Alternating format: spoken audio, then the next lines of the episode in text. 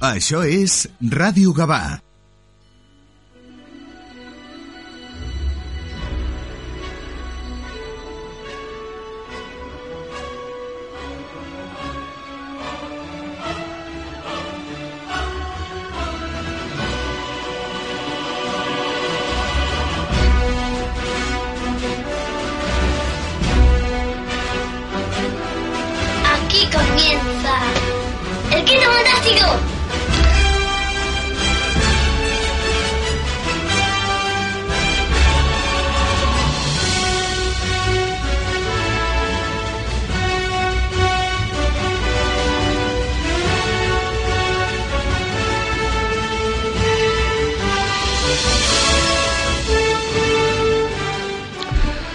8 de la mañana y 31 minutos. Muy buenos días y bienvenidos a una nueva edición del Quinto Fantástico, episodio 4 de la octava temporada. Bienvenidos a vuestro programa de cómics. Un saludo de quien les habla, Alberto Jiménez. A los mandos de nuestro carruaje de caballos, hoy más carruaje que nunca, tenemos a Maite Alonso, eficaz como siempre. Y hoy nos ha traído ajos, estacas y agua bendita. Maite, bienvenida. Let's do it.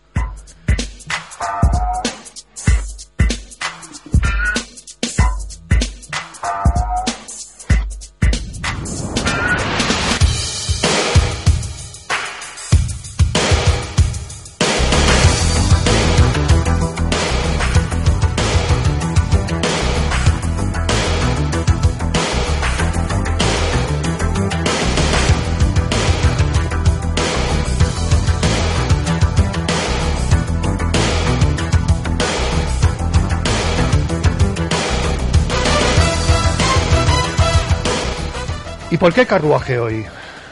Porque hablaremos de esta maravilla que nos regaló en su día Fernando Fernández y que fue su Drácula. Sobre todo de esta edición que ha sacado Carten Comics, que es un auténtico lujazo ¿no? Eh, para todo amante de- de- del cómic y todo amante de que leyó las selecciones ilustradas de Time. Para ello hablaremos con Daniel Diez, editor de la, de la editorial. Haremos una, haremos una tertulia con él y nos hemos em, también hemos llamado a dos grandes primeras espadas sobre todo de del mundo de selecciones ilustradas como son Aitor Marcet y Marcos Ordóñez. Recordaremos la figura los trabajos de Fernando Fernández. Así que sin más comenzamos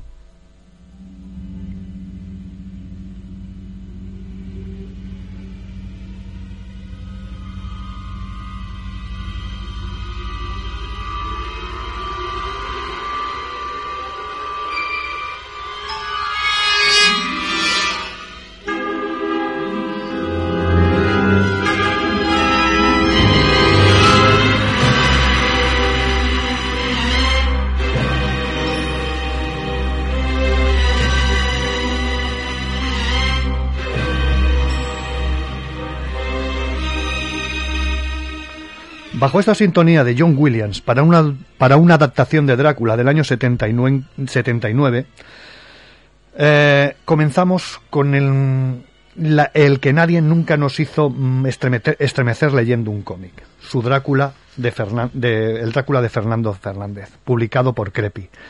Y después recopilado, recopilado en dos ocasiones por, novela gráfica. La, la recopiló el propio Tutain y la, la recopilaron en Glenat. ¿Quién es Fernando Fernández? Fernando Fernández nace en Barcelona.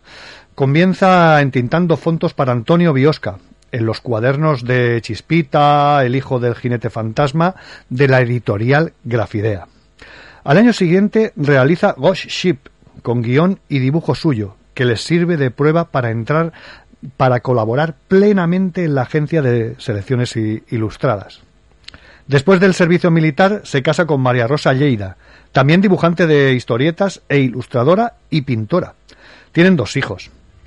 Trabaja para la revista Interview, de reportero gráfico, y publica diferentes colaboraciones de humor, eh, historietas cortas en las revistas Siesta y Primera Plana.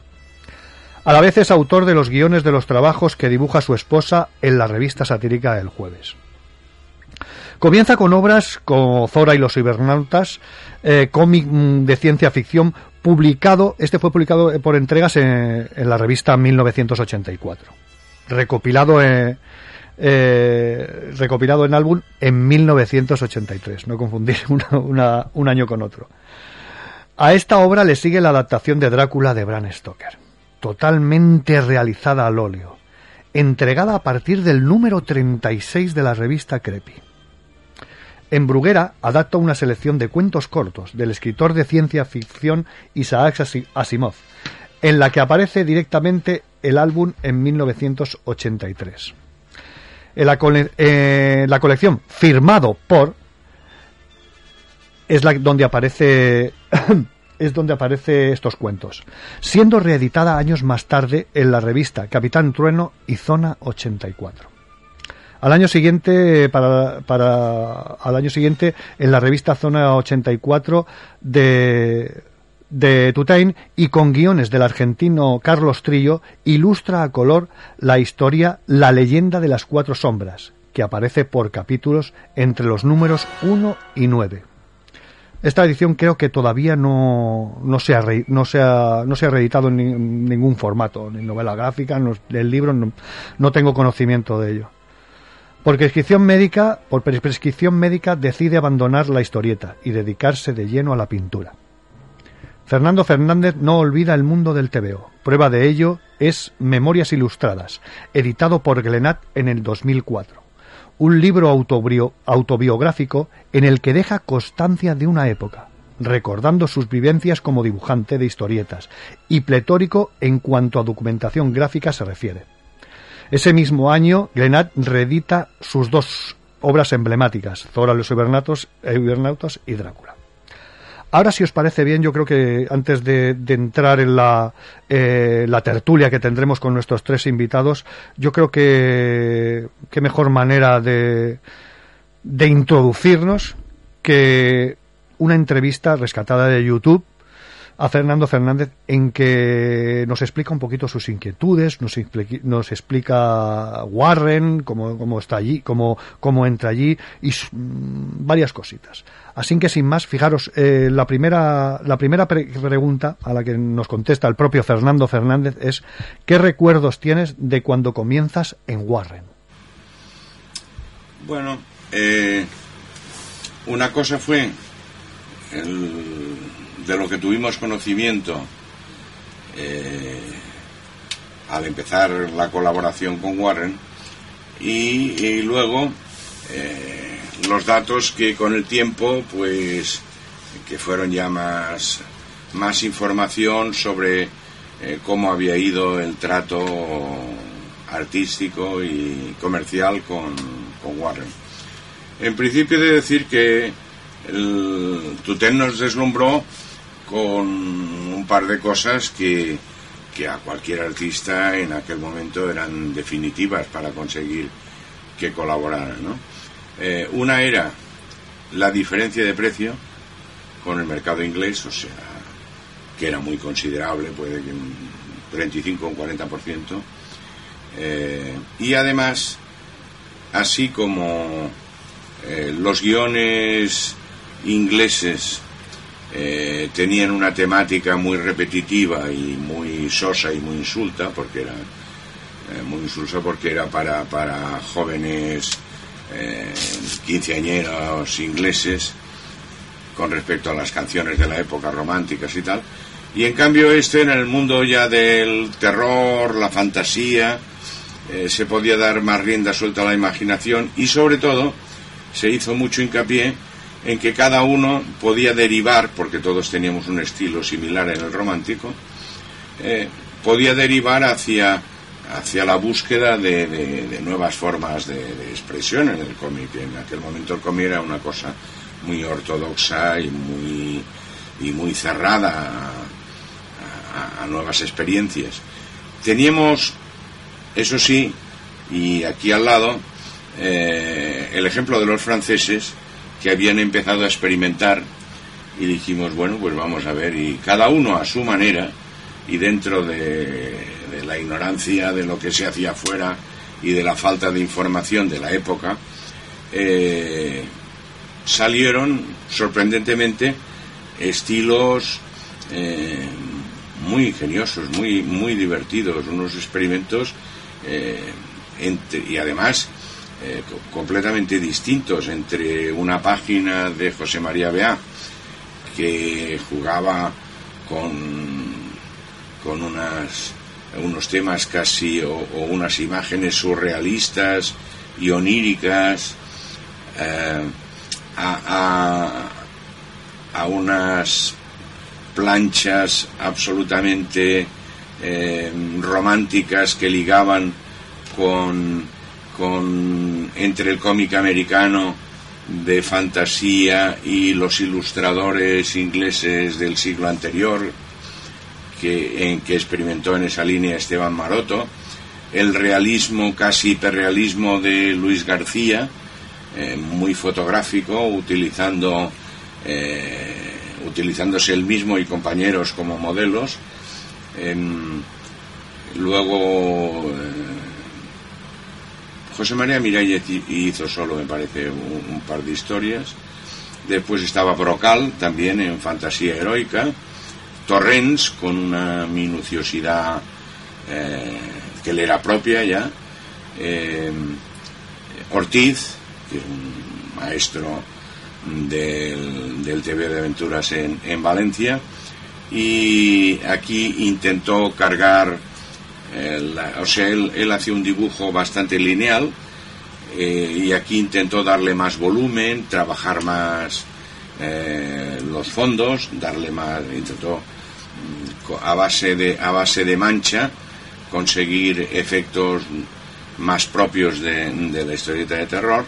Y en fin, así iría sumando eh, la diversidad de estilos que aparecieron gracias a esta eh, faceta nueva que experimentamos que era el tener la libertad creadora. Claro, en principio había que enviarle una muestra al, al, editor de cómo iba uno a resolver eh, la historia. eso al principio. Cuando el editor aceptaba el, el, estilo que se le presentaba, el artista ya entonces tenía el campo libre para ir haciendo todos los demás trabajos. Eh, hubo algunas historias y entre ellos algún, algún artista, algún dibujante, como me pasó a mí, que al principio yo estaba haciendo ilustración en aquel momento y el volver a la historieta ya solo lo veía en unas condiciones distintas de no perder la propiedad ni los derechos de, mi trabajo. Y entonces yo rechacé al principio las buenas condiciones comerciales de, de Warren y estuve un año y pico, dos, hasta que no me decidí, porque Warren aceptó el que yo le vendiera solo los derechos americanos le enviaba unas copias y los originales se me quedaban en España. Los guiones, por lo tanto, habían de ser míos, porque si el guion era de un autor americano, entonces el editor ya tenía, como el editor había comprado el guion, los derechos del guion, entonces ah, se quedaba también con parte de los derechos de las imágenes. Y luego, con el tiempo, desgraciadamente, en vez de devolver aquellos originales a los artistas, aunque no hubieran tenido derecho a volverlos a reproducir, el original físico, o sea, la obra de arte física, les correspondía. Pero, cosas de la época, Tutén se ve que firmó una cesión total y todos aquellos originales se perdieron. El sucesor de Warren los adquirió en una subasta, una compra, y hoy en día corren por el mercado americano de mano en mano de coleccionista en subastas y eh, los autores están completamente al margen, han perdido todos los derechos, porque no tienen ninguna documentación, ninguna cosa que pueda acreditar. Y si su firma fuera suficiente para hacer una reclamación, como esas reclamaciones son millonarias para hacerlas en un país como Estados Unidos, pues no se ha quedado todo, desgraciadamente, en manos de quien no tiene derecho a tenerlos. Aparte de dibujar, también realizaste guiones. No, no, al revés. Yo, tenía ganas de, Porque yo había escrito guiones para otros. Claro, entonces, habiendo escrito guiones para otros y teniendo en cuenta que el tema este del suspense, el terror y la fantasía, y fantasía ligada a la ciencia ficción, ya me atraía, pues consideré que si a Warren le iba bien el, el acuerdo que yo le proponía, sería una ocasión espléndida para poder ir realizando unas cuantas obras a mi gusto, eh, sin ningún problema, completamente libre, y que luego podía vender por otro país, como así fue, porque luego las vendí por toda Europa, las vendí en Sudamérica, se publicaron en España, y siempre yo cobré mis royalties y soy el poseedor de todos los originales de aquellas historias. Lo que, lo que es cierto también es que hice muy pocas, hice 13 historias o así, eh, porque eso lo compaginaba con un trabajo muy interesante que tenía, que era la ilustración para Estados Unidos de cubiertas de libros, y luego los libros eh, que empecé a hacer para AFA en España, en los que yo también era autor del texto y las ilustraciones, y tenía todos los derechos, y claro, lo iba alternando porque me interesaba todo, pero no podía dedicarme eh, demasiado a un tema concreto. Acláranos la leyenda urbana, ya que corrían rumores sobre las chicas que ejercían de modelos, chicas perdidas, profesionales, amigas. Sí, no, no era para la Warren y, vamos, prostituta. no lo recuerdo, no. No, lo que sí eran modelos. Modelos. Modelos. Eran modelos, eh, modelos de, de pintura porque las modelos de publicidad eran muy caras. Y entonces eh, también utilizamos algunas profesionales que como la agencia eh, en aquel tiempo estaba produciendo fotonovelas, que también me metí en lo de la fotonovela y dirigí unas cuantas, pues había chicas eh, como una tal Encarna o como la Margie Coxis, que se hicieron a mí, que la Margie Coxis era aficionada a la pintura, era una buena pintora, y eh, se prestó para hacer algunas sesiones fotográficas a un precio razonable, a un precio para, para dibujante de cómics, que no es el precio de una agencia de publicidad. Y luego las otras, pues habían otros modelos que eran modelos de, del círculo artístico y, alguna amiga también, no, no, no hay que descartar que también intervino alguna amiga de alguno, que si daba bien era fotogénica y era gente joven como nosotros, pues las utilizamos. Pero diría que las utilizamos tanto en, en, historieta como en portadas, porque hacíamos portadas de fantasía eh, heroica, ¿no? Eh, de capa y espada, y de ciencia ficción, y portadas policíacas, y portadas de western que tenía un guioncito y luego decía sexy, que era en las que aparecía una mujer eh, de, salón medio medio a medio vestir y el pistolero allí muy chulo.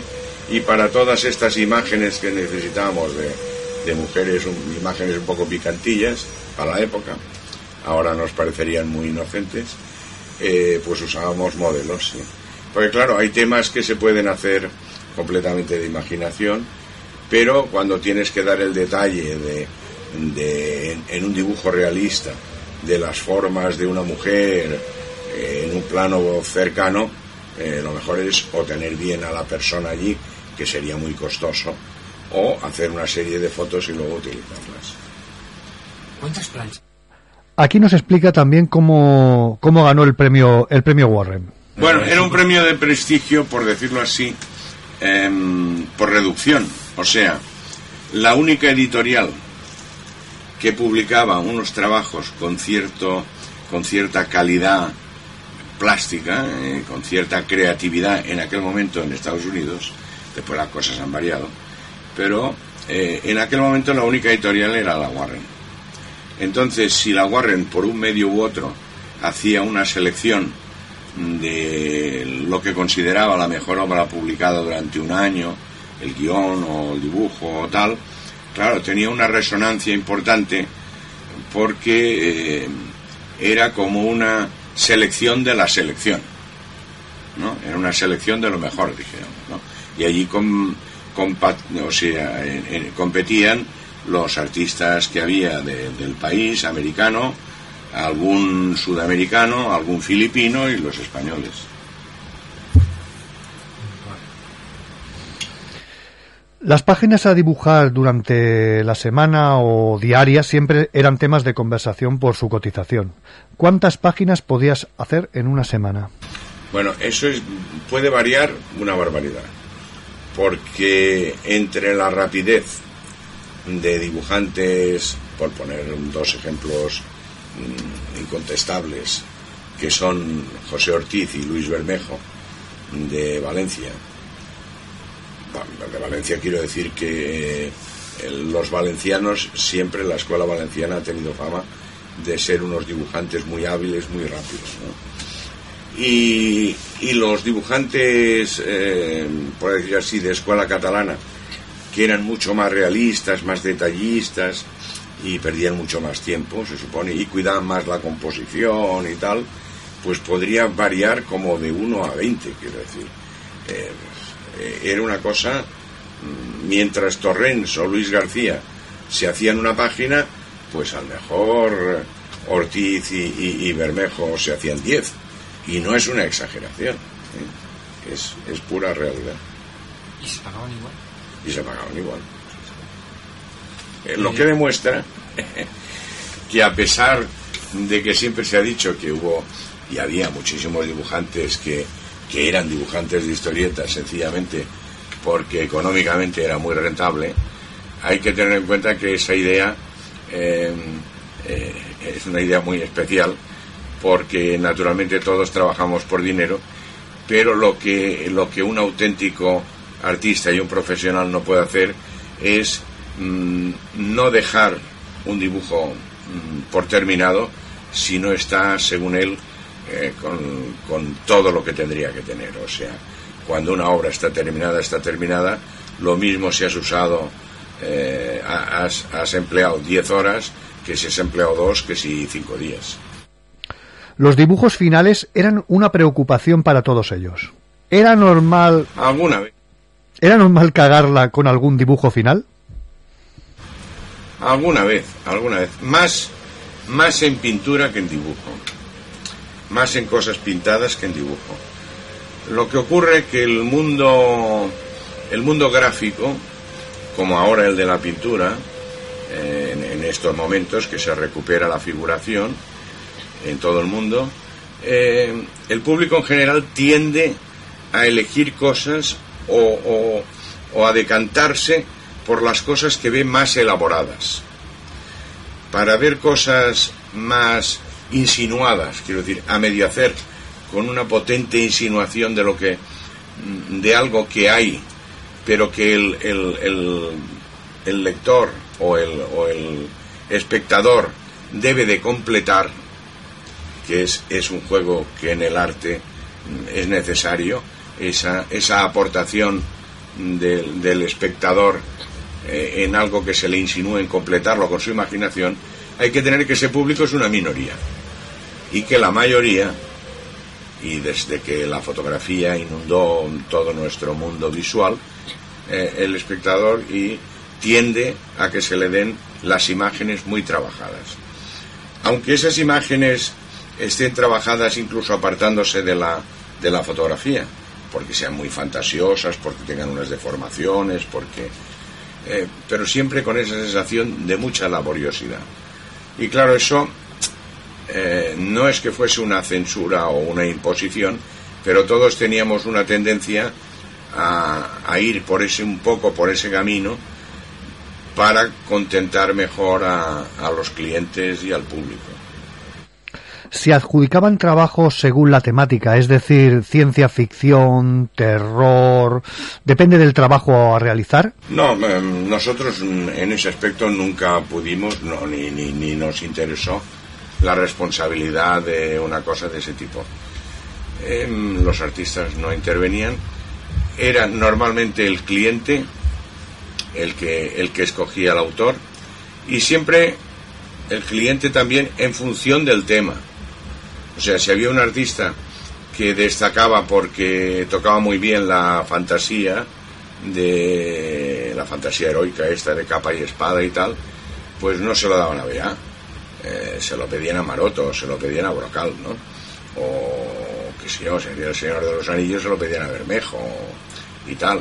si hacía una cosa muy macabra y eso, pues se lo pedían, yo que sé, a Luis García, porque iba a dar un detalle allí pelo a pelo del hombre lobo, por ejemplo, ¿no? Y en, en mi caso particular no había problema porque yo enviaba la historia hecha, es decir, si les gustaba bien y yo también, se las quedaron todas siempre. Y, y así se hacía más o menos, o sea, depende del estilo y la tendencia y de cómo mejor tocaba un tema, se lo daban a... Pero ya directamente siempre era el cliente el que lo pedía. En aquella época no se tenía la información que nos ofrece hoy Internet y redes sociales. Y redes sociales. ¿Cómo se hacía la documentación en los trabajos a publicar? Bueno, aquí cada uno se las apañaba como podía. ¿no? Hay persona que ha utilizado mucho el proyector de, de cuerpos opacos. Hay gente que, que piensa que teniendo un proyector de cuerpos opacos, pues cualquiera puede hacer unos magníficos dibujos, ¿no? Eh, la realidad es que eh, un proyector de cuerpos opacos lo puede comprar cualquiera y luego sacar una imagen hiperrealista no lo puede hacer cualquiera. ¿Por qué? Porque hay que tener un dominio de las gamas de grises, la imagen fotográfica se ha de corregir, porque aunque nosotros en fotografía nos parezca que una cosa está correcta, una vez que la dibujas te das cuenta de que las de las deformaciones que hay, que hay poses en las que una mano, por muy auténtica que sea en una foto, eh, en aquella postura mmm, no es no es correcta visualmente y tienes que eh, tú tienes que corregirla y darle darle otra magnitud, otra postura, otro tamaño. Eso por un lado. Luego hay, hay objetos que, que te llaman a decir, hombre, eh, si yo tengo que dibujar un, tren eh, y tiene 40.000 detalles, pues vaya una tontería para estar allí mirando y corrigiendo y tal, cojo, me proyecto un tren y luego pues eh, ya tengo un trabajo adelantado. Eso por un lado. Pero luego hay artistas que tienen un estilo especial y entonces el proyectar significa tanto trabajo luego en modificarlo y darle su propio estilo que prefieren hacerlo directamente teniendo las imágenes delante. O sea, eh, no se va a inventar un tren de alta velocidad uno, porque bueno, se lo podría inventar, pero quiero decir, a lo mejor saldría, no, no sería real. Entonces, teniendo las imágenes reales y mirándolas, entonces él hace su versión sobre aquella realidad, pero lo hace directamente, o sea, sin proyección. ¿Cómo se valoraban las obras de, de aquella época dorada del cómic adulto? Lo de la Warren, que mi página web al final de lo de los libros lo he puesto por allí. Y allí se explica que hicieron una encuesta, no sé cómo, para saber qué historias se valoraban más de todo lo que había publicado Warren en, desde que hizo la primera revista. Y son cientos de, de, de revistas. Publicó Vampirella, Creepieri, eh, Monster, no sé cuántos, o sea, hizo muchas revistas. Y durante, pues del 69 al 80 y pico, pues yo que sé, casi 20 años, ¿no? Y entre esas cientos, no sé si llegarían a miles, de historias que se publicaron, seleccionaron 20. Y entre esas 20 hay una historia mía. Y yo lo que, claro, lo que me gratifica es que pensar que si yo publiqué 13, en 20 años les publiqué 13 dentro de, dentro de miles, y de las 13 a una le dieron un premio y a otra la consideraron una de las mejores, pues es un tanto por ciento que no lo tiene casi nadie más, ¿no? Teniendo en cuenta que estaba Bernie Brixon y estaban, bueno, una serie de artistas, aparte de todos los españoles que eran unos magníficos artistas, los compañeros, guionistas y dibujantes, eh, es un honor para mí que dos obras estén dentro de, de ese ranking, teniendo en cuenta que lo de Warren era lo mejor que se publicaba entonces en Estados Unidos, ¿no? Y claro, dices, hombre, pues es para estar satisfecho. Dice, ahora ya, ya lo puedes dejar estar, ya no le falta que hagas más, ya no la vayas a cagar. Tus referentes, ¿en quién, ¿en quién te has fijado? Yo reconozco que mm, para buscar unos referentes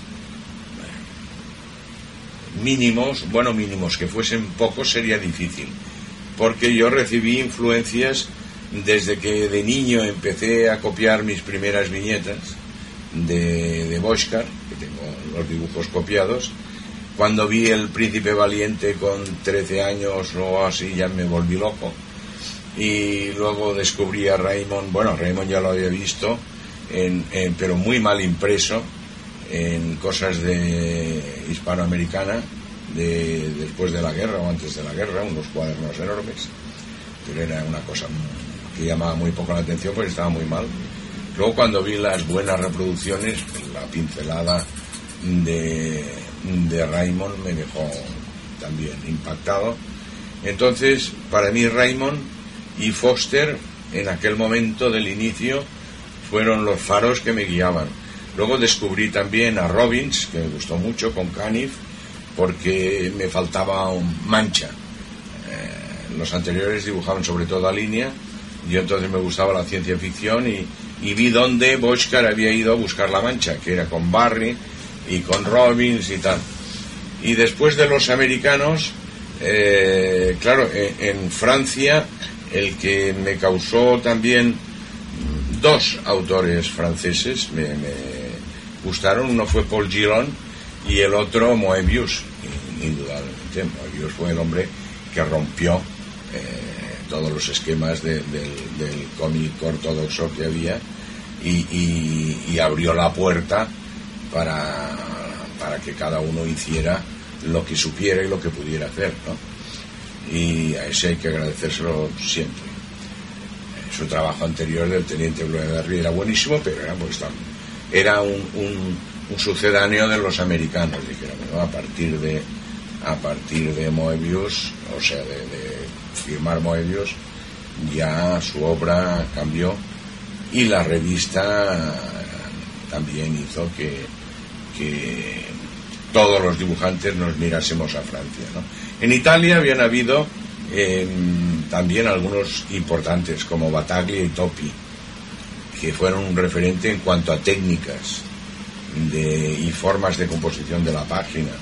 Que empezó Guido Crepas, pero era un hombre excesivamente eh, sofisticado, excesivamente eh, elitista, y en cambio Topi y Bataglia eh, lo llevaban al lector medio, comunicaban muchísimo mejor, ¿no? Y en España, pues pasa que yo creo que nos encontramos todo un grupo, más o menos a un nivel parecido, y que teníamos, eso sí, las mismas inquietudes y, y los, eh, los referentes casi eran comunes. Todos estos autores que he ido nombrando nos habían sido comunes a casi todos. Anteriormente, eh, claro, yo había visto en España, y quizá el hombre que tenía el estilo más elegante respecto a pincelada y me había llamado mucho la atención, fue Blasco. Blasco y luego eh, Batet por todo lo contrario, porque era un hombre aparentemente mm, ¿cómo diré? desaliñado dibujando, pero que tenía un componente que ligaba mucho su dibujo con el dibujo artístico de, de los pintores, ¿no? Era, era una especie de, de pintor que se había puesto a hacer unas historietas y no tenía un estilo depurado como los historietistas y embar- sin embargo sabía dar un ambiente y una vitalidad a las historietas que no era propio de la época. Luego estaba Niranzo, que era un, un- un gran dibujante, y, y sobre todo eh, saldrá el Capitán Trueno, Ambrose. ¿no? Pero yo los veía un poco lejanos porque eh, su sintetización no ligaba un poco con mi estética y por eso me acercaba más a lo de los italianos, franceses y americanos. De del original de la página im- impresa, ¿perdían calidad en el camino? Ah, sí, pero esto es normal. Es normal que, claro, el, el dibujante de cómics si sabe que está haciendo un trabajo para una revista popular, de gran tiraje, que utilizarán un papel más o menos económico, en una imprenta también más o menos económica, por decirlo de alguna manera. En España, pues durante muchos años se publicó muy mal. En Francia, con Pilot y con humanoides y todo esto, se elevó el nivel de la calidad. En, Italia, eh, con las revistas italianas, el nivel de calidad de reproducción también era más alto. Y luego en España, Tutén, pues lo elevó un poquito y actualmente se publica muy bien. Lo que ocurre que, claro, no se puede comparar una edición para una revista o para unos álbumes con la edición de un libro de arte, en el que se busca papel de más gramaje, con unos satinados especiales, en fin, que tiene otro tratamiento, a lo mejor una gama más amplia de, de colores, y aún y así uno va y compra un libro sobre Velázquez, y luego te vas y compras un libro sobre Velázquez otra edición en otro sitio y luego te vas y compras una inglesa y luego compras una alemana y ninguna se parece. En una las entonaciones son más frías, en otra más calientes, en una... O sea, eh, la reproducción conlleva eh, una adulteración del original. Contra más barato sea el medio, claro, más adulterado queda. Los primeros, los primeros autores en selecciones ilustradas había dibujantes que trabajaban en sus casas. No, había, había quien trabajaba en su casa, sí. Trabajaba en su estudio y otros en el estudio común y había gente que lo alternaba y se tiraba pues un mes trabajando en grupo y luego otro mes trabajando en su casa. Bueno, como era absolutamente libre, pues cada uno en ese aspecto hacía lo que le venía en gana. He querido recoger también algunas opiniones muy importantes eh, que salen en la promo de la salida del cómic que ha efectuado eh, Carten Comics. En primer lugar, hablaremos, eh, nos comenta, nos comenta esta edición el hijo de Fernando Fernández, Héctor Hernández. La obra duró aproximadamente un par de, un par de años, desde que cogemos el guion hasta que acabamos la última, la última página. El proceso creativo es a partir de, un, de la adaptación del guion, que en este caso Fernando quiso hacerla él. Normalmente se trabaja a partir de, de un guion que lo puede proporcionar un guionista o, el autor mismo que, que hace la obra, que hace el dibujo. Y en cuanto a la documentación, hay dos fuentes básicas. Una sería a partir de, de fotografías, de libros de época, porque para, para ubicar la obra en una época determinada tienes que empaparte de lo que son carruajes, arquitectura, escenarios, etc. Eso por una parte la fuente viene de fotografías propias de él, de viajes que había hecho y de libros, etcétera. Por otra parte tenemos las fotos hechas a modelos, modelos profesionales y a veces modelos aficionados, amigos, eh, parientes, incluso la familia también habíamos hecho de, modelo y bueno, eh, básicamente estas tres. Una opinión muy importante y sobre todo porque tiene un, eh, tiene un prólogo en, en la novela, Marcel Miralles.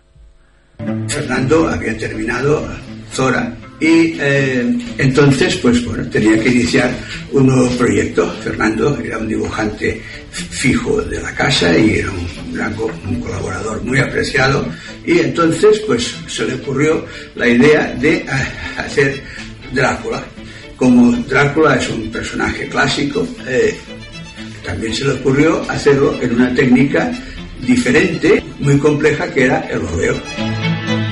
Claro que el problema podía ser de que en algún momento nos encontramos de que no había las eh, páginas de un capítulo para poder publicar, pero el proyecto era de tal envergadura que merecía la pena correr esos riesgos. El personaje siempre ha sido un personaje muy atractivo y Fernando quiso hacer su interpretación del personaje. Efectivamente, lo, consiguió, eh, fue un éxito y se vendió en muchos países, se publicó un álbum durante, durante los años, se ha ido, se ha ido publicando y eh, bueno, queda como, como un clásico del, del cómic.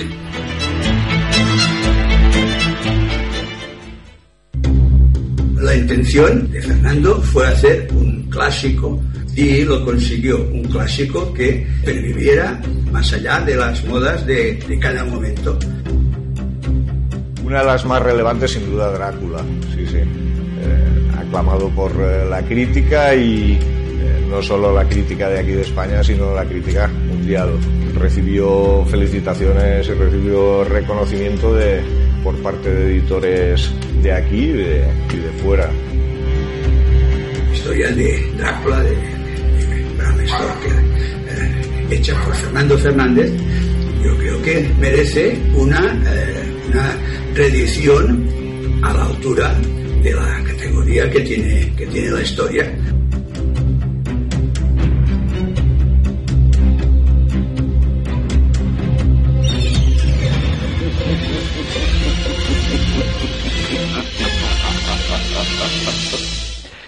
Y ahora nos vamos con nuestros invitados, que estamos a punto ya de conectar con ellos.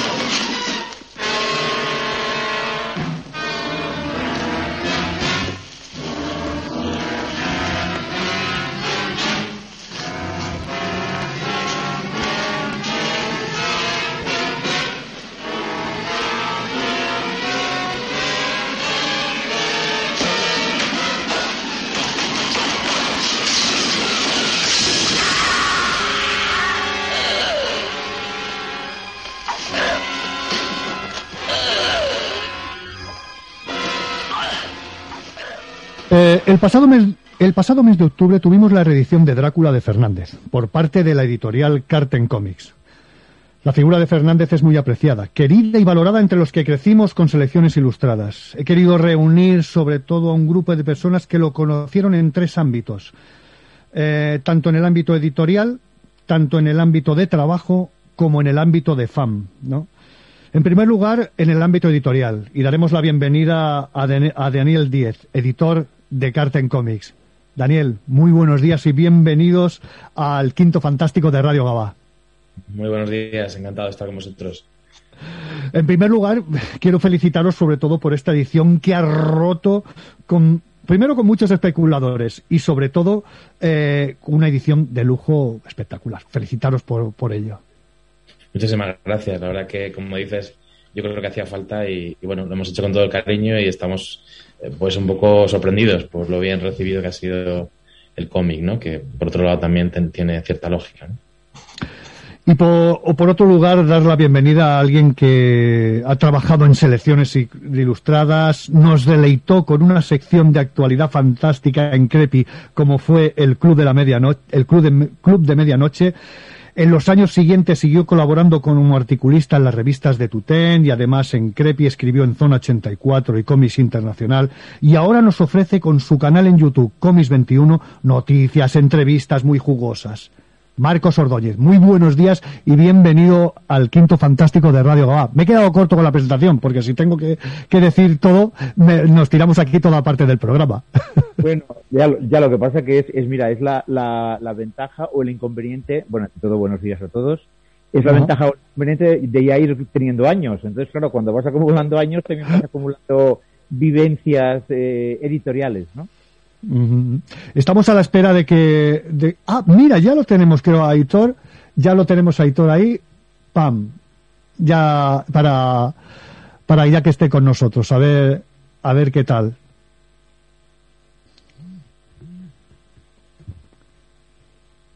Bueno, y eh, yo os preguntaría a vosotros, ya que ahora cuando entra Aitor también, que le volveré a hacer también la pregunta. ¿Cómo conocéis el, cómo, cómo, eh, cómo llega a vosotros la primera impresión del Drácula de Fernando Fernández? Marcos, venga. Bueno, yo mismo. Eh, a ver, el Drácula de Fernando Fernández, eh, claro, es, es ya una bomba en su momento, porque eh, yo creo que era el año 80 y él, él la, la pintó en el 81, creo recordar, y creo que se empezó a publicar en el 82 en Creepy. Y, y claro, el impacto fue grande porque eh, todos los, los frikis de la época eh, comentábamos, bueno, pues que Fernando Fernández eh, está haciendo un cómic eh, al óleo eh, y, un poco, además utilizando una técnica pues que al libro de Bram Stoker pues le venía como anillo al dedo, ¿no? Era, era una visión clásica, pero de una calidad artística pues muy, muy notable, ¿no? Bueno, nada, después pues eh, salió el- la edición de, de que también fue muy celebrada en álbum, eh, y bueno, ya sabemos que después pues tuvimos la, la- la edición aún mejorada de, de Glenat en los años eh, 90, y pues, claro, ahora pues lógicamente toca celebrar pues esta edición ya definitiva, eh, creo yo, ya no puede haber otra que la supere, eh, la que, en la que, pues bueno, pues eso, ¿no? Pues, pues desde el formato hasta la, la elección del papel y la reproducción, pues bueno, pues son mm, de una, de una alta calidad, ¿no? Damos la bienvenida, se nos une ya Aitor, Aitor Marcet. Aitor, muy buenos días y bienvenido días. una vez más al quinto fantástico de Radio Gabá. Muy buenos días. Eh, estamos, hemos preguntado, hemos preguntado que cómo nos llegó sobre esa primera pregunta, eh, cómo nos llega a nosotros el, el Drácula de, de Fernández. Bueno, en mi caso fue, imagino que como, como casi todos a través de la revista Clippy, ¿no? Que yo ya las descubrí algunos años más tarde de, de cuando se habían publicado y bueno, pues recuerdo que, que cuando eh, las ojeaba en los mercadillos, ¿no? En San Antonio y demás, y viendo aquellas páginas decía, joder, esto es una maravilla, ¿no? El que ha hecho esto, desde luego, eh, bueno, me imaginaba, ¿no? Debe dedicarse a la pintura porque eh, no es un cómic al uso, ¿no? De, de lo que estamos acostumbrados. Y, y bueno, perdona. No, dime, dime, perdona, no, no, no, no, eh, dime, dime, dime, perdona que te he interrumpido. No, el caso es que, eh, pues nada, a, partir de ahí comencé a buscar, yo tendría unos 10, 11 años, y comencé a buscar eh, quién era Fernando Fernández y a investigar, ¿no? Y, y a través de, de, pues eso, de los mercadillos, mm, descubrí que, que había sido, bueno, que era, en aquel momento era un autor todavía en activo y que estaba, estaba haciendo eh, series, eh, todavía creo que era en Totem Comics, y, y bueno, vi que había un cambio de estilo y demás, pero que, que había una progresión, ¿no? En, en lo que era su, en, en lo que era su, su carrera, ¿no? Y, y bueno, hay una serie de, de cambios de estilo que siempre me ha sorprendido, ¿no? Y el Fernando, eh, el primer Fernando Fernández de, que hacía cómic romántico en selecciones, al Fernando Fernández de los últimos años en cómic, no tenía absolutamente nada que ver. Sea, el de Algón el Salvaje no tiene nada que ver con los primeros.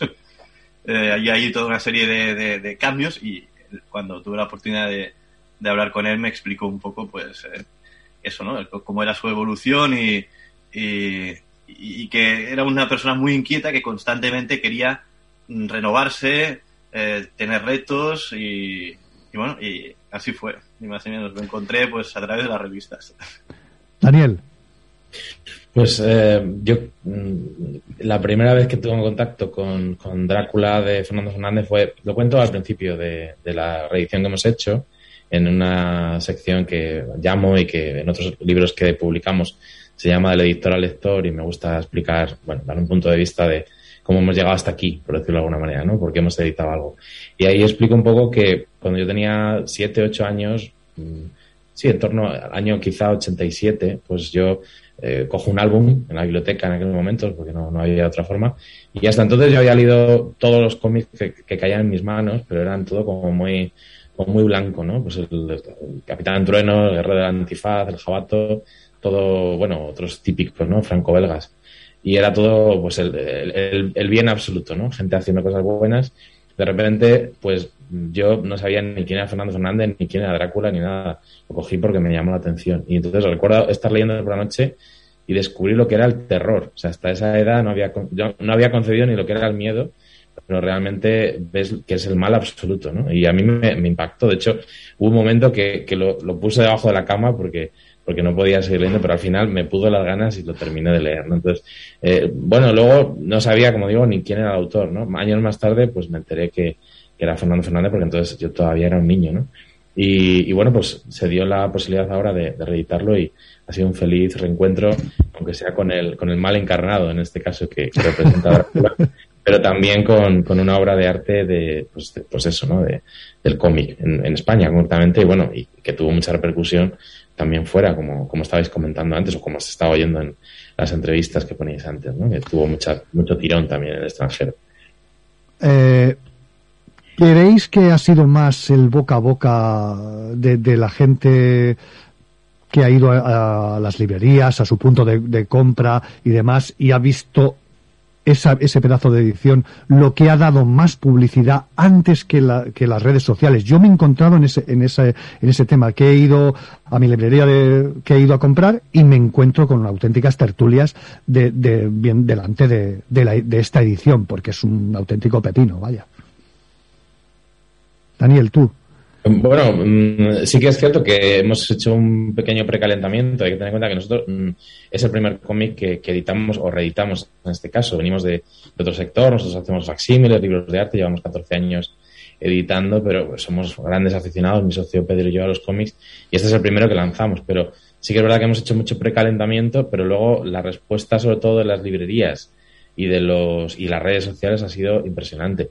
Y yo creo que en las librerías también, como tú dices, el día que salió yo fui a, a en Salamanca, que es la librería, digamos, de referencia, y, y bueno, pues eh, había gente que había ido, incluso que pasaba de paso, el, día de la salida venían de Madrid, pum, ¿lo tienes? Sí, pum, me lo llevo, ¿no?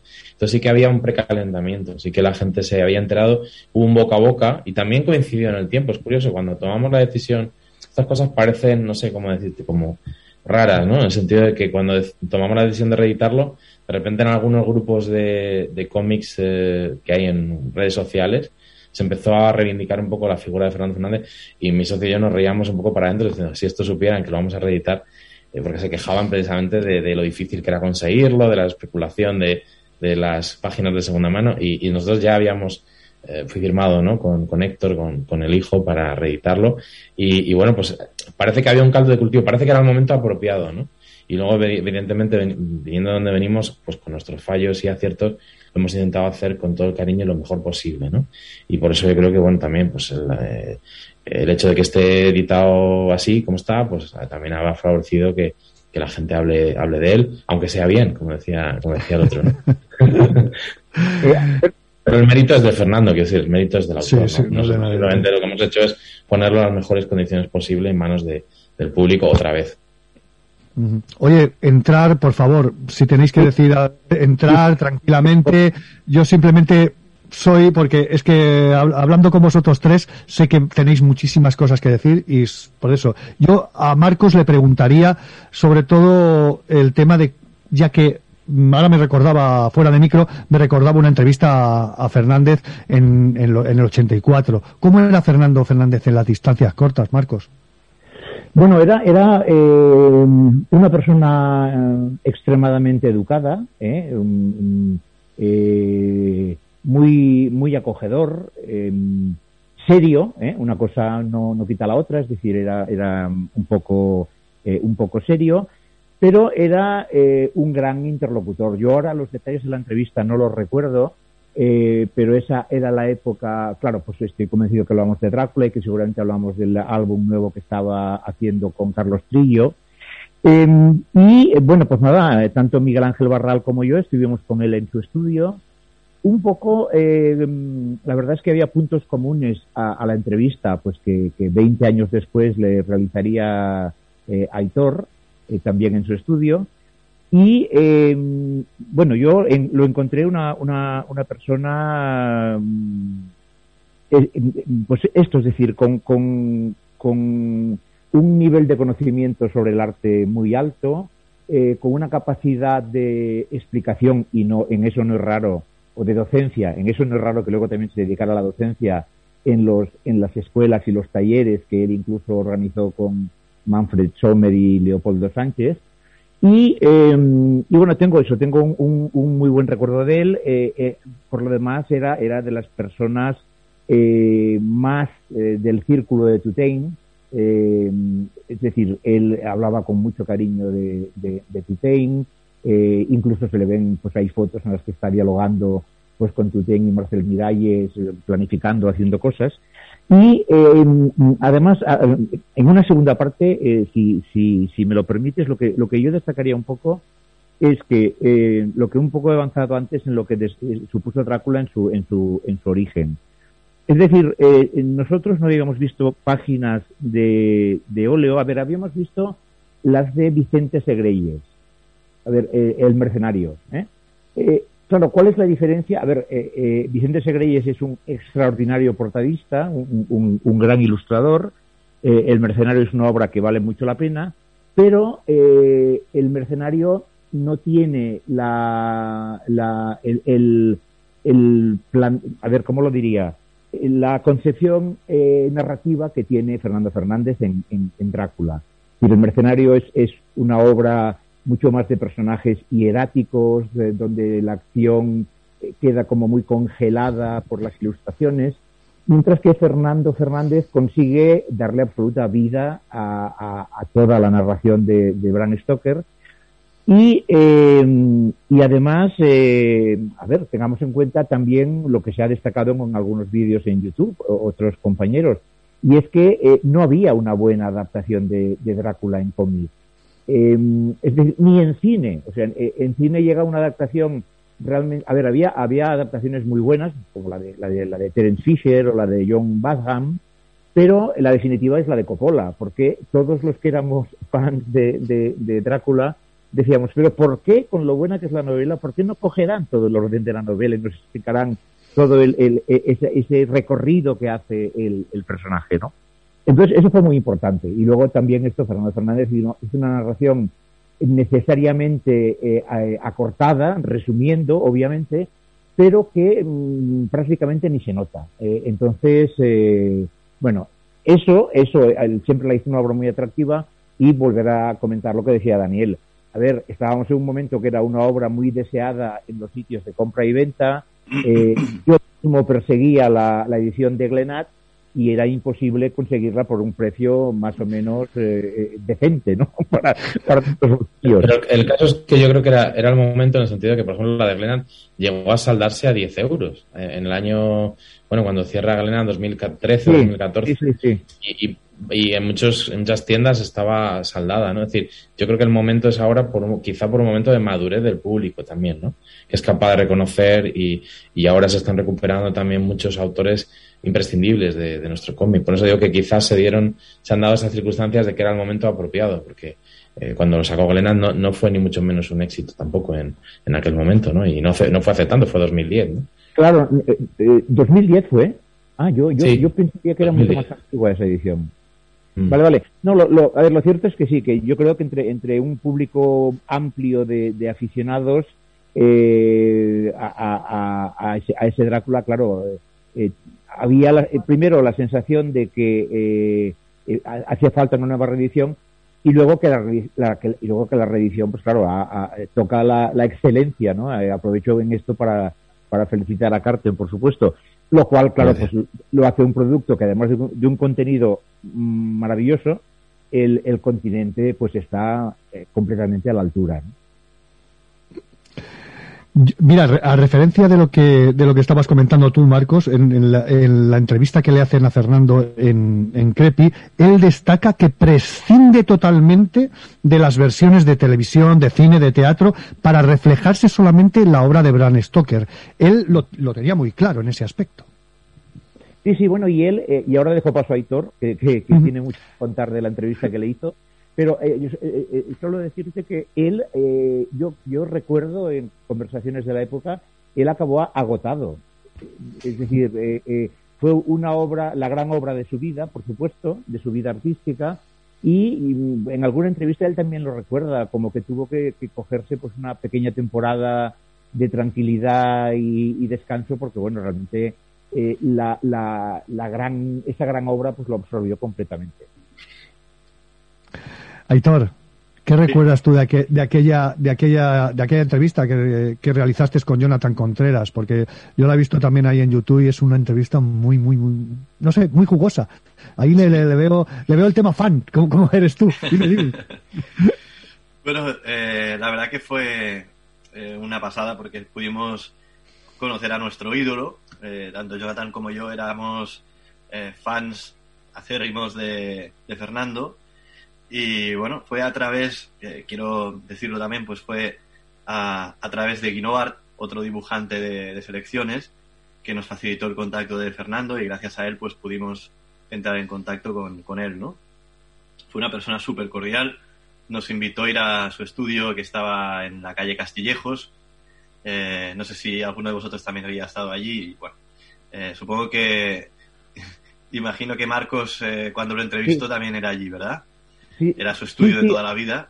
Bueno, yo, yo no sé por qué me quedaba como que era la calle Rosellón, pero ahora dices su Castillejo. Castillejos. Bueno, sé que estaba cerca eh, de, Sagrada Familia. De Sagrada Familia. El, yo el, no, de... no, pero grabamos un total para los vídeos estos y Héctor nos confirmó que era la calle Castillejos y grabamos incluso la puerta porque ya no se conserva el, el estudio, evidentemente, pero sí era, era Castillejos. Pues queda, queda confirmado. Estaba ahí en, en la parte de arriba y con unas vistas a la Sagrada Familia espectaculares, que son las que luego vienen un poco reproducidas en el álbum Zora, ¿no? En, aquellas imágenes de, del final de Zora que aparece la Sagrada Familia y demás. Y, bueno, y era una, una persona encantadora, como decía Marcos, extremadamente educado, muy, muy cordial y, y sí, hablaba nosotros eh, le entrevistamos con motivo del documental Los cómics de Tutén y, bueno, eh, entonces creo que no teníamos ni título todavía, creo que era la segunda entrevista y imaginábamos que, podríamos hablar de Tutén, pero tampoco teníamos tan claro, ¿no? Eh, eh pero viendo pues eso, ¿no? Que tanto Fernando como otros no paraban de hablar de Tutén, eh, cada vez nos interesábamos más por su figura, ¿no?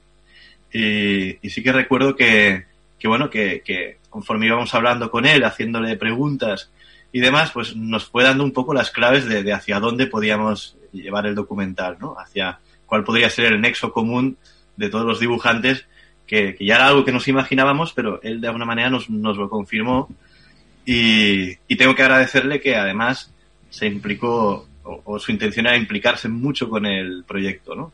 Hasta el punto de que nos pasó muchísimos contactos, eh, estuvimos hablando con él, bueno, la entrevista iba a ser de una o dos horas y terminó siendo como de seis horas, una barbaridad. Madre Recuerdo que, que, estuvimos muchísimo tiempo hablando y, y, y disfrutando de, de, las anécdotas que nos iba contando.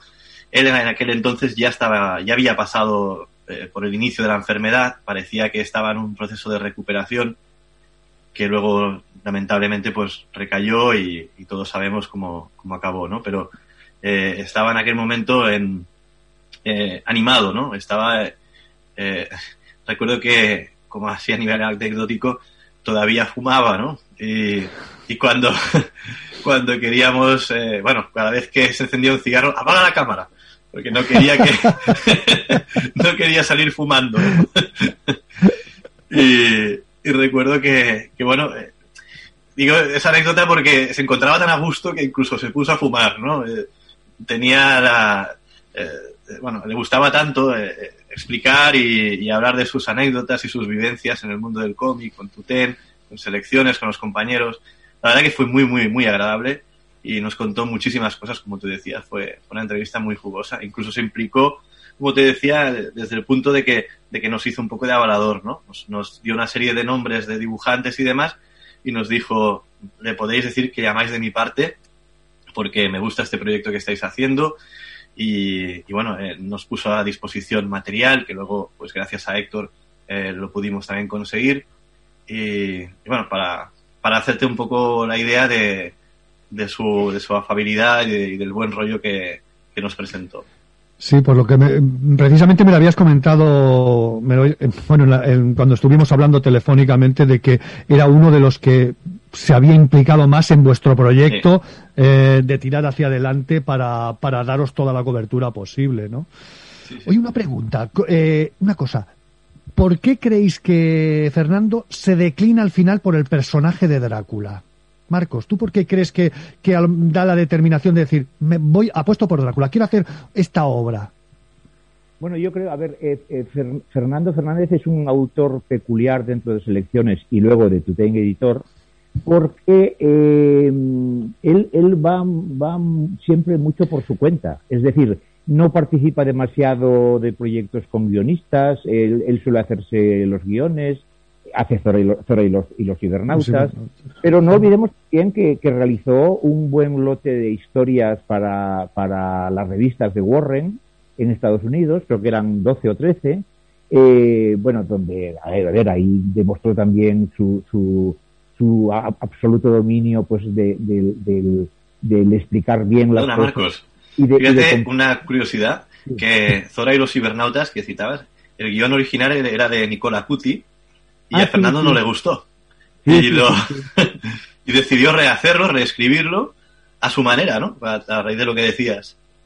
Sí, sí, no. Entonces, el, a ver, yo eh, recuerdo haber leído también de que eh, él, eh, en el momento en que acabó Zora, Tuteng estaba muy contento porque, claro, era una serie. Eh, a ver, Zora no era un, un, un gran, gran guion, pero era eh, muy espectacular a nivel de eh, todas las cantidades de técnicas mixtas que Fernando utilizaba. Es decir, ahí pues puede haber pues lápices de colores, acrílicos, eh, acuarelas, wash. Bueno, él, él, él eso lo, lo, explicaba, ¿no? Entonces, nada, pues el éxito de Zora y eh, Tutein, pues que le anima pues a que, a que, se, a que se meta en un nuevo proyecto. Y eh, exactamente porque escogió Drácula, es decir, el, el paso, el, ese pensamiento que lleva una persona a involucrarse en una creación, lo desconozco, pero sí que él en, en, en las entrevistas que hemos visto eh, declara que, que bueno, que, Drácula para él era un personaje, personaje muy atractivo, pero además era mucho más atractivo el hecho de poder eh, ser fiel a la novela. Eh, algo que, bueno, hasta, hasta entonces, bueno, después ha habido más versiones de cómic, eh, como la de Mike Miñola o la de George Best, pero eh, vaya, para mí, para mí la canónica eh, continúa siendo la de Fernando y, y sobre todo, bueno, y además que, por ejemplo, eso no, no, lo hemos comentado, a ver, no es que sean pinturas las, las páginas, es un estallido impresionista prácticamente. Es decir, eh, los colores que utiliza, eh, eh, la, esas, esas Mina y Lucy por allí en la costa, viendo el, el, el mar, la, la, la, parte del, del, Demeter, la parte final. Bueno, es que es, es, es, es decir, no es cual, cualquier cosa pintada al óleo, sino que es una, un, un, estilo muy marcado, para mí muy impresionista, y que por eso hace también, por, ese lado técnico, tan atractiva la obra. Al hilo de lo que comenta Marcos, es muy interesante lo que, lo que acaba de comentar, porque mmm, en realidad, por ejemplo, Marcel Miralles, cuando le pregunté yo también en estos vídeos que hemos grabado para la programación del cómic, que dice que fue una decisión de Fernando, o sea, eh, no fue una propuesta, digamos, de la editorial, sino que les dijo, oye, ahora quiero hacer Drácula. ¿Por qué? No se sabe, pero sí es interesante, como decía Marcos, comentaba la familia, Héctor concretamente, y, que en ese momento empezó a estudiar los impresionistas centroeuropeos, ¿no? Los pintores de esa época y Mary Cuesta, que también hemos grabado la crítica de arte que también comisionó pues una exposición que había sobre vampiros, donde había cuatro originales de Fernando Fernández, también decía eso, que eh, como decía, como muy, bien apuntaba Marcos, eh, todas esas viñetas en realidad es puro impresionismo. O sea, no es que él haga un óleo como le parece, sino que estudia a los eh, autores de finales del 19 y decide que va a utilizar ese mismo estilo para poner en contexto un poco como si se hubiera realizado en el mismo momento en que salió la novela, es decir, la parte final, en la segunda mitad del siglo XIX. O sea, es impresionante. También decía esto una cosa muy curiosa, que se llegó a hacer una... Eh, Fernando llegó a hacer una especie de, de, figura de, de, barro, de arcilla de, Drácula. Y que un poco que, no que se obsesionó, pero que sí que la tenía todo el día por allí. Imagino que también para que fuera una especie de, modelo, pero que nunca lo había hecho con ningún otro cómic y fue una cosa un poco extraña. Entonces, bueno, quizá tuvo alguna referencia o en ese momento eh, pensó que debía hacerlo, pero nadie sabe muy bien por qué. Pero el caso es que lo hizo y bueno, estamos contentos de que fuera así, claro. Pero como apuntaba Marcos, mm, se lo tomó muy en serio hasta el punto de que, tenía muy claro qué estilo quería eh, imponer en las viñetas. ¿no? Muy diferente además también de, de Zoro de los cibernautas. Yo creo que hay, más allá de, los tonos, la forma de plasmarlo es completamente distinta. Mi opinión, ¿eh? Si te fijas, hay, si te fijas, Daniel, hay una, una etapa de, de Fernando en que sí que sigue un poco el estilo, bueno, el estilo Zora, Zora y los cibernautas, eh, viene un poco marcado por aquellas, eh, aquellas eh, obras que hizo didácticas para la editorial AFA, donde ya prueba una serie de técnicas, ¿no? De, como explicaba Marcos, ¿no? De diferentes técnicas en cada viñeta, pero es que Drácula rompe completamente con lo que estaba haciendo, como, como decías tú, ¿no?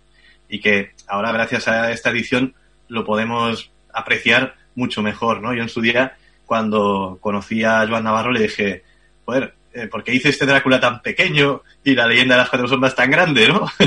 si al final em, las dos son muy buenas, pero Drácula eh, yo creo que es como su obra diana, ¿no?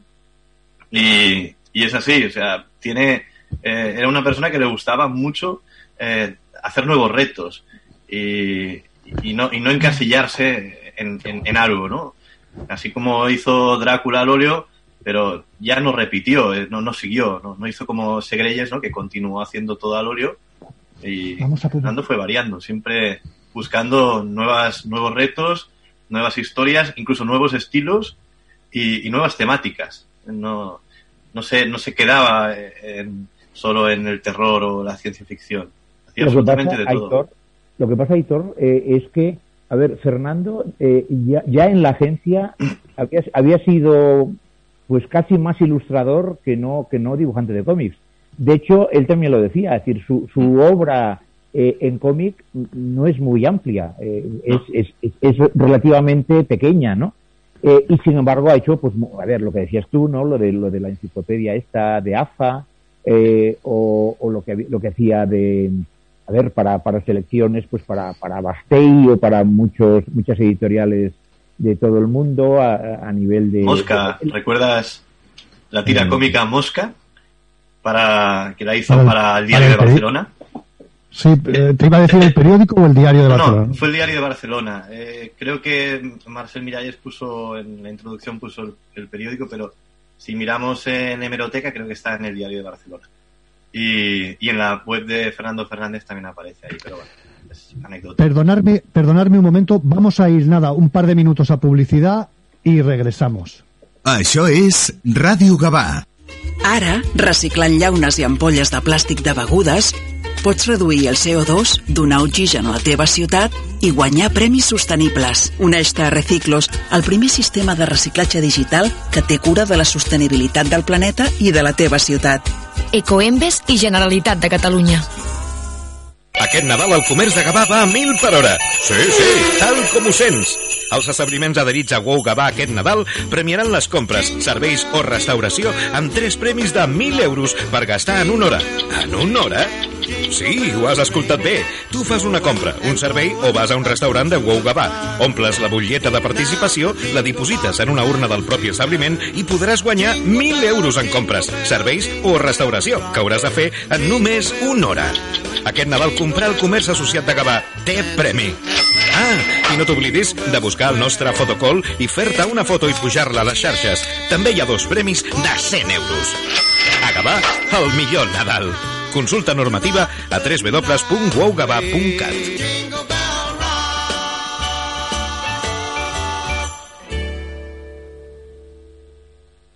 Si busques especialistes en electricitat, lampisteria, climatització, reformes, estalvi d'energia o recàrrega de vehicles elèctrics, ens trobaràs a Llum Gavà, assessors energètics i especialistes en energia verda. Consulta'ns sense compromís i confia en l'experiència professional dels qui sempre som al teu costat. Llum Gavà. T'esperem al passeig de Joan Maragall 25 de Gavà. Telèfon 93 662 2707 o visita la nostra web llumgavà.com. Llum Gavà. Sempre al teu costat. Això és Ràdio Gavà.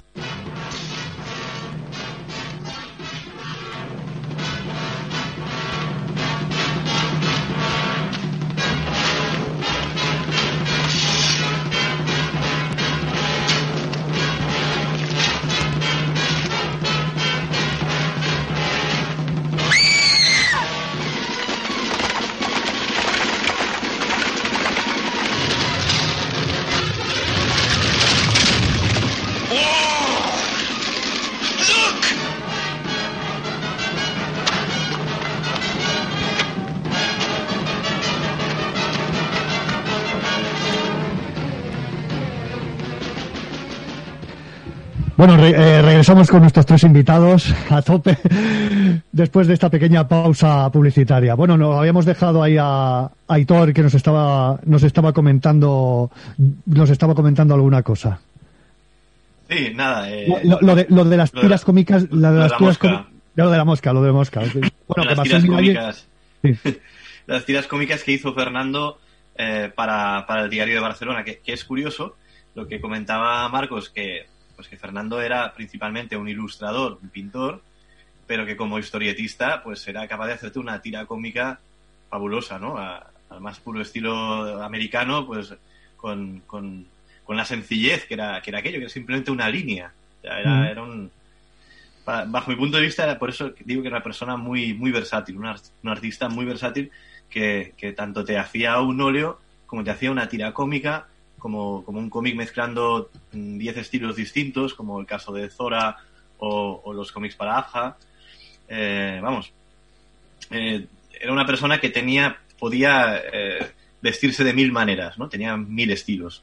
Un poco como José María Bea también hacía, en diferente, digamos, eh, de diferente manera, pero era capaz de, de cambiar su estilo completamente. Y eso es algo muy complicado que en pocos dibujantes son capaces de, de- de hacer ese tipo de cambios.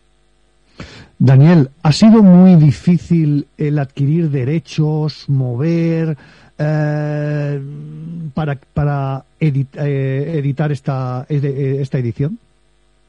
No ha sido, sinceramente, no ha sido excesivamente complicado. Podría vender la moto, decir que ha sido muy difícil, pero la verdad es que no.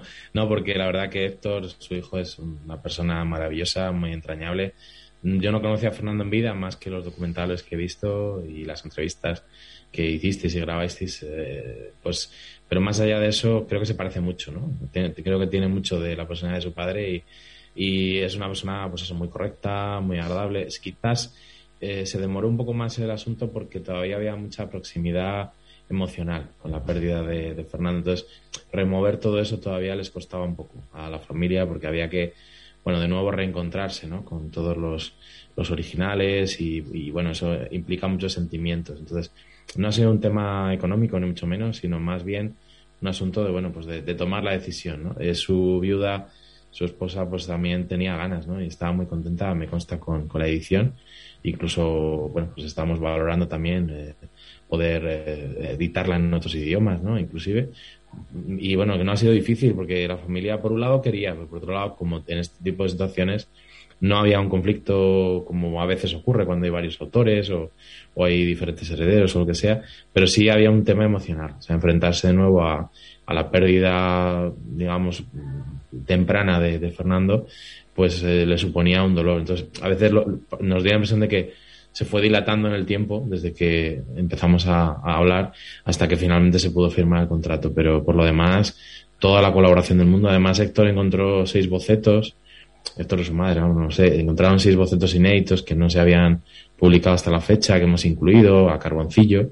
Y, y bueno, pues mm, la verdad que no hubo ningún problema tampoco para. Incluso la Caixa tenía cuatro originales. Eh, tuvimos el contacto para, para hablar con ellos por parte de la familia, los pudimos reproducir en Caixa Forum, que estaban dentro de una, de una exposición itinerante que había de vampiros, ¿no? Entonces había cuatro originales de estas planchas.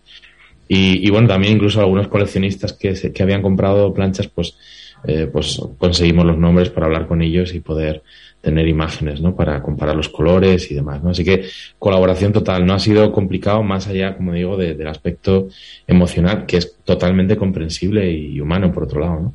Pero también han valorado la posibilidad de, no tanto económico, sino que la- el público de ahora, de 2021-2022, pudiera tener acceso a, a una obra que yo creo que es fundamental y que a la postre se está demostrando que sí, que con todo lo que se está moviendo ahora, que efectivamente es una obra que, que ahora quizás se, puede valorar más, aunque fuera un éxito hace 40 años, pero, pero ahora de nuevo hay gente que la está descubriendo o redescubriendo gracias a esta reedición. Yo sí le tengo que sacar un pero a, a vuestra a vuestra edición, ¿sabes? Mm, Me he quedado con las ganas de, de una lámina. De una lámina que el fan pueda ponerla en su cuarto, en este caso en el cuarto que tengo tienes todos los cómics y demás, de tener una lámina, de no sé, ahí me, daba igual si era el Drácula, si, eh, mm, si era Van Helsing, yo qué sé, me daba igual, pero me hubiera gustado tener una lámina para poderla enmarcar y tenerla en ese sitio, ¿no? Esa, esa era la idea original. De hecho, la idea es que hubiera una edición limitada con una lámina y después una edición, digamos, normal, ¿no? Quizá en formato un poquito más pequeño y.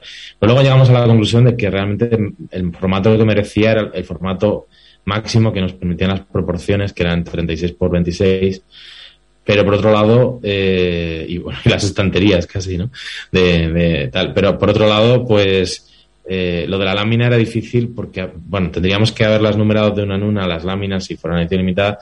Y luego también el manipulado que eso exige, hacerle un sobre, pegar uno por uno, después retrastilar, eh, hacía bastante complicado el manipulado de, de- de tantos ejemplares. Entonces, era una idea. De hecho, era una co- cosa que lo que sí hicimos, un poco para compensar eso, es que en la, en la, en la edición, o sea, en la primera, el primer pedido que hice en las librerías especializadas de cómic, sí que les enviamos un, gran póster de 50 por 70 en, algunas que hicieron un pedido determinado y, fue como regalo para los primeros compradores. Entonces sí que, eh, bueno, de hecho se ha visto en muchas fotografías en redes sociales, es una de las viñetas increíbles, ¿no? Que es justamente cuando, cuando Drácula está, está eh, pues a punto de pegar el, mordisco, ¿no?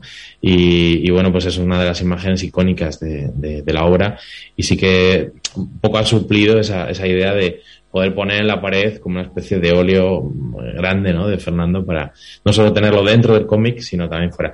De hecho, por ejemplo, el tema de la portada va un poco en esa línea porque en una tienda de cómics, sobre todo, tú ves muchos colores, ves cientos de cómics de muy coloridos y no queríamos que la obra de Fernando fuera una más y lo que hicimos fue cambiarlo al, al negro y a la escala de grises, que fue una decisión con- controvertida pero precisamente para que dentro al abrir fuera una explosión de color, o sea, el contraste de la portada sobria, de la portada negra, simplemente con el Drácula en blanco y rojo, como el colmillo ensangrentado, y luego al abrirlo, pues que, que la sorpresa fuera, fuera mayúscula. Entonces, ese fue el concepto, pero, pero también iba un poco por ahí, ¿no? De que eh, el tesoro estaba dentro, ¿no? Estaba dentro del cómic. Pero es verdad que nos apetecería a todos tener uno y ponerlo en la pared y, y verlo todos los días, ¿no? Contemplar. Porque es que en realidad cualquier casi cualquier viñeta es un cuadro, es en realidad un mini cuadro, ¿no? Así que, ¿por cuál elegías?